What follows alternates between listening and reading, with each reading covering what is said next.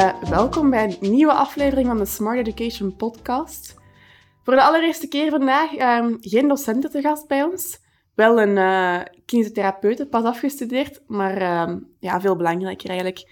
Een van onze Belgische Olympische atleten die um, mee in de delegatie voor de Spelen van Tokio zat. Paulien Koekuit, welkom. Dank je wel om tot hier te komen. Ja, leuk dat jullie mij hebben uitgenodigd. Kei leuk. Ik zal je misschien heel kort eventjes, eventjes voorstellen. Ik zei het net al, in juni ben je afgestudeerd als kinesiotherapeut. Daar ben je nu ook deels mee aan de slag gegaan. Je bent nu deels aan het werk als kinesiotherapeut. Ja. Um, in juni ben je afgestudeerd, maar ja, in de zomer stond er nog wel iets veel belangrijker op het programma. Je bent naar de Spelen in Tokio geweest. Ja. Deelgenomen aan de 400 meter horde individueel en ook met de Belgian Cheetahs, de 4x400 meter ploeg bij de vrouwen, deelgenomen aan de 4x400 meter uiteraard. Ja. Ja. Waar je een finale plaats hebt gehaald in de aflossing en een negende plaats individueel. Ja. Straf, hè? Ja, kei straf. uh, zelf had ik nooit verwacht dat ik zover zou geraken. Zeker vroeger niet.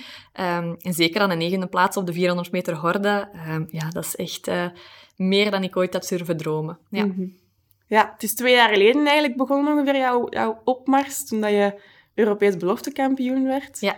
Sindsdien is het um, alleen maar omhoog gegaan. Gaat het uh, in dezelfde groeicurve blijven gaan of wat mogen we verwachten? ja, ik voel gewoon dat er uh, nog veel, ja, veel marge op zit. Als, uh, als ik blessurevrij blijf, mm -hmm. hoop ik echt wel ja, enorm te pieken nog. Ehm, ik ben nog maar 24, dus over drie jaar, à vier jaar zou ik op mijn op mijn sterkste moeten zijn als, ja. als vrouwelijke atleet. Dus ja, daar gaan we naartoe. Hè. Dus als, Mooie vooruitzichten. Ja, leuke Mooie uitdagingen. Ja.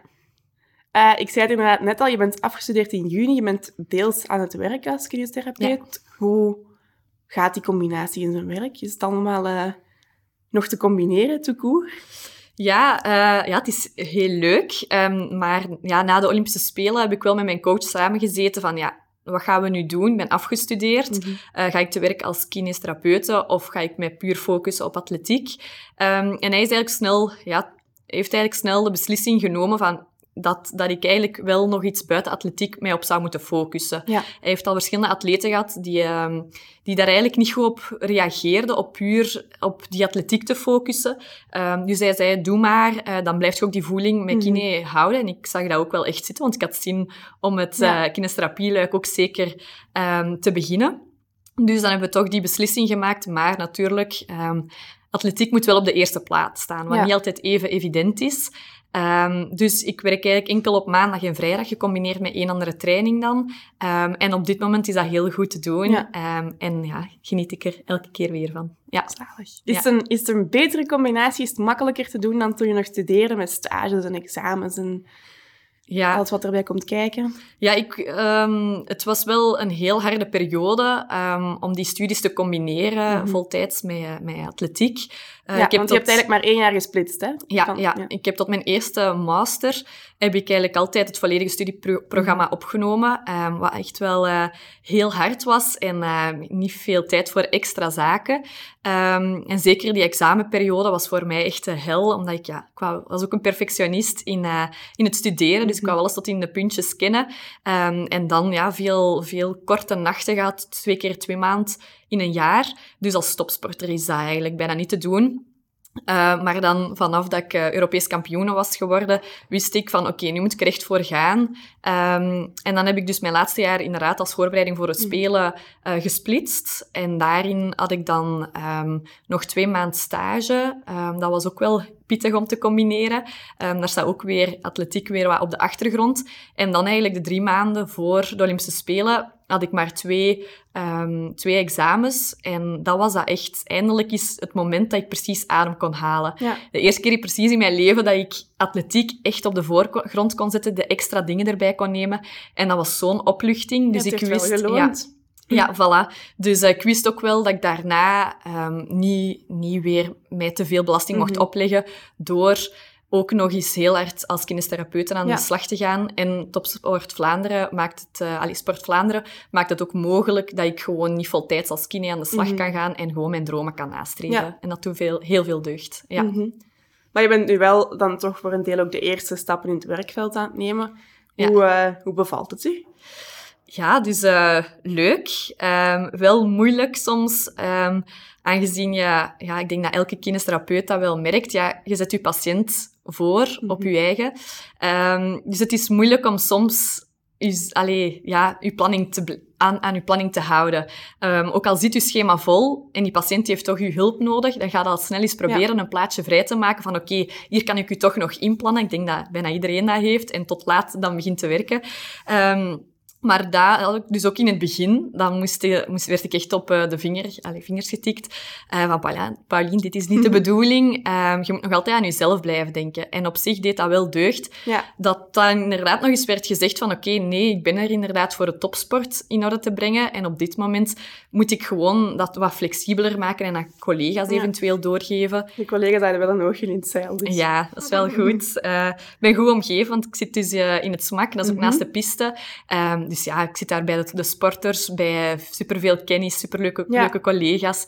Dus ik ben blij dat ik daar terecht ben gekomen. Ja, je hebt met Katlijn ja. Polspoel ook uh, met je thesisonderzoek gedaan. Ja. Dus uh, dat gaat een leuke samenwerking geweest. Ja, dat was heel, heel leuk. Het ging over de hamstringsblessures, een veel voorkomende blessure. Mm -hmm. um, dus ja, zeker leuk om dat samen te mogen doen en te zoeken naar, oké, okay, hoe kunnen we hier sporters toch um, helpen om in, in, de toekomst die blessure niet opnieuw mee te maken. Ja. En dan ging het over uh, ja, de uithouding van de hamstringspieren, dat dat ook een factor kan zijn, uh, waardoor dat, die, dat er herval is. En uh, ja, het was zo'n leuke samenwerking dat we dachten, oh, we willen hier toch... verder. Voilà, we doen het gewoon verder. En tot nu toe gaat dat superleuk. Ja. Ja. In welke mate wordt uw ja, leventje als topsporter beïnvloedt? Of in welke mate kan je lessen trekken uit die kinesiotherapie-achtergrond?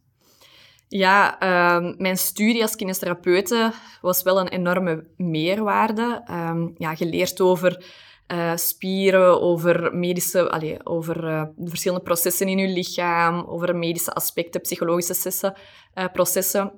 Dus um, ja, voor mij als topsporter is dat super belangrijk, omdat wij, wij moeten ons lichaam van binnen en van buiten kennen om te weten um, hoe dat we zaken moeten aanpakken, hoe dat we nog meer belasting op ons lichaam kunnen leggen, want daar draait topsport om. Elke keer als je een blessure weer hebt gehad, toch een manier zoeken om in de toekomst dat niet meer voor te hebben en toch meer, um, meer belasting op je lichaam te leggen.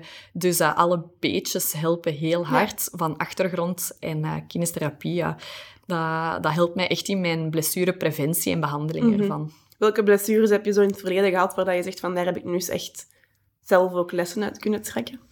Um, goh, van elke blessure leert je wel iets -hmm. bij. Um, ja, het zijn altijd wel uiteenlopende blessures geweest. Mijn, mijn grootste problematiek is eigenlijk mijn rug.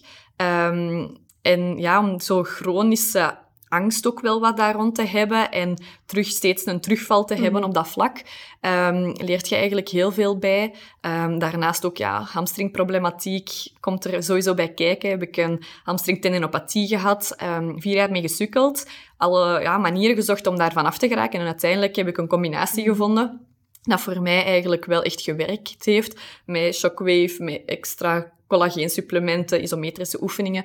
Dus uh, ja, van elke blessure ja, leert je uit en neemt je dat ook mee in de behandeling naar je patiënten toe Ja, daar wil ik inderdaad net vragen, want omgekeerd werkt dat ook. Je gaat ongetwijfeld, dankzij dat je zelf ook sporter bent, misschien daar invloed van hebben in je behandeling van je patiënten of zaken die je daarin helpen. Ja, sowieso. Um, ik, heb, ja, ik ben jaren ben ik al patiënt eigenlijk. Um, ik weet hoe het is om patiënt te zijn, om van blessures, mhm. ja, moeilijkheden daarmee te ondervinden, er naartoe te werken. Dus um, dat helpt mij wel heel hard om ook de wereld van de patiënt te kennen en te weten waar dat ik het moet gaan aanpakken om het bij hun bijvoorbeeld mhm. beter toch te doen. Um, of ja, combinaties die voor mij gewerkt zijn, hebben, um, dat bij hun ook wat erin te krijgen. Maar natuurlijk, elke patiënt is wel anders. Ja, tuurlijk. Dus ja, het is wel een trial and error. Ja, ik denk ook zeker dat inlevingsvermogen, want de, als sporter heb je toch ook een enorme band met je kinesitherapeut. Dat is toch ook een enorm klankbord en mentaal is dat een enorme steun. Dat gaat misschien ook wel... Ja, ja sowieso. Um, ja, ik ben blij dat ik mijn kine, heb, want anders had ik niet zo ver geraakt mm. ook. Um, ja, en van jezelf kine te zijn is het wel echt gewoon super moeilijk. Um, Zijn ja. kines slechte patiënten? dat is een ondergeschikte. Nee, nee tuurlijk. Ehm, ja, als patiënt, nee, als topsporter wilt je eigenlijk altijd tot de grens gaan en zelfs daarover. Mhm. Dus ik heb echt wel een entourage rond mij nodig die zegt, oké, dit moogt je, dit moogt je niet meer. Um, en dat doe ook wel deugd. Uh, want anders ga ik, ja, ook al, ja, je weet wel aan de ene kant wat mag en wat niet mag. En aan de andere kant wil je toch er soms wat over gaan. Dus, is dat dan ehm, vaker in samenspraak, omdat je daar zelf ook die achtergrond in hebt? Ja. Of leg je het wel echt in hun handen? Um, ik leg het um, grotendeels in hun handen. Um, bijvoorbeeld als ik een pijntje heb, ja, ik kan mijzelf ook niet gaan uh, onderzoeken of ja, gaan behandelen om iets los te krijgen, zo'n manuele therapie. Dus dan leg ik het in hun handen. Maar ik zeg ook wel um, wat mijn bevindingen zijn. Um, ik weet wat zij nodig hebben van informatie, uh, om dan zo eigenlijk tot de best mogelijke manier te komen mm -hmm. om het probleem op te lossen. Dus um, ja, super belangrijk om hun te hebben, want ja, zelf ben ik net afgestudeerd, die ervaring heb ik niet ja. dat zij hebben. Dus ja, daar moet ik, uh, ben ik blij dat ik mm -hmm. hun heb. Ja. Dat snap ik. Ja. ja. Nu, je werkt ook in SMAC, je traint op sportkot. Ja dat maakt de combinatie waarschijnlijk ook een beetje makkelijker. Dat alles daar zo kort bij elkaar is. Bij je studies, je lessen waren ook op sportkot. Ja. Ja, bij mijn studies was het heel handig. Ik zat op kot in Leuven dichtbij. Um, dus ik kon, de lessen waren inderdaad dichtbij, dus ik kon heel snel handelen. Was wel continu onderweg naar iets uh, of van iets. Um, en, ja. ja, ik denk dat veel mensen het niet weten. We hebben ook heel lang samen getraind ja. en Pauline was vaak te laat. kan alles gebeuren als je veel op je planning hebt staan. maar dus nu is dat wel ideaal. Ik ga s morgens van Antwerpen naar Leuven. Um, ik blijf daar een dag al eens voor te werken of voor uh, te trainen of twee trainingen af te werken. Daartussen kan ik al eens langs het smak gaan voor nog meer bij te leren als er infosessies mm -hmm. zijn of vergaderingen. Um, en s'avonds keer ik gewoon terug. Dus voor mij is het gewoon elke dag een werkdag ook in Leuven. Um, en dat is ook wel leuk dat alles dichtbij is. Dat, ja. ik, uh, dat ik ter plaatse wel kan blijven dat in kan Leuven. je mail, ja. inderdaad. Ja. Um, we zullen misschien nog even vooruitblikken naar de toekomst. Ja, we gaan uiteraard beginnen op sportief vlak. Dat staat op dit moment op de ja. eerste plaats. Ja. Wat zijn zo de dingen die je de komende jaren nog, nog wilt bereiken? Um, ja, mijn grootste doel is natuurlijk verder werken naar de volgende, volgende Olympische Spelen. Um, de dag na mijn uh, 400 horde halve finale stond direct al doel vast van uh, de volgende. Ik was uh, toch ontgoocheld dat ik net niet de achtste was geworden. Dus ja, die Olympische finale staat op mijn netvlies gebrand, dat ik mm. dat wil halen. Um, en dan met de 4x400 wil ik daar ook nog beter doen. Top ja. 5 plaats eventueel op de Olympische Spelen halen. Geeft u dat individueel ook een boost, dat die aflossingsploeg het zo goed doet? Ja, zeker. Um, we trekken elkaar ook wel echt omhoog. We willen, een groep, hè? Ja, ja we, we, willen echt met die groep vooruit. En ook omdat we met heel veel meisjes zijn, zitten we elkaar voortstuwen van we moeten alles uit de kast uh, halen, want anders geraakt je niet mm -hmm. in de groep toekoor. Dus dat helpt ons ook wel om gewoon op individueel, individueel vlak sterker te worden. Ja. En als het daar sterk is, dan heeft je groep ook veel meer vertrouwen. Mm -hmm. Dus um, dat is wel echt uh, heel goed aan, aan die groep.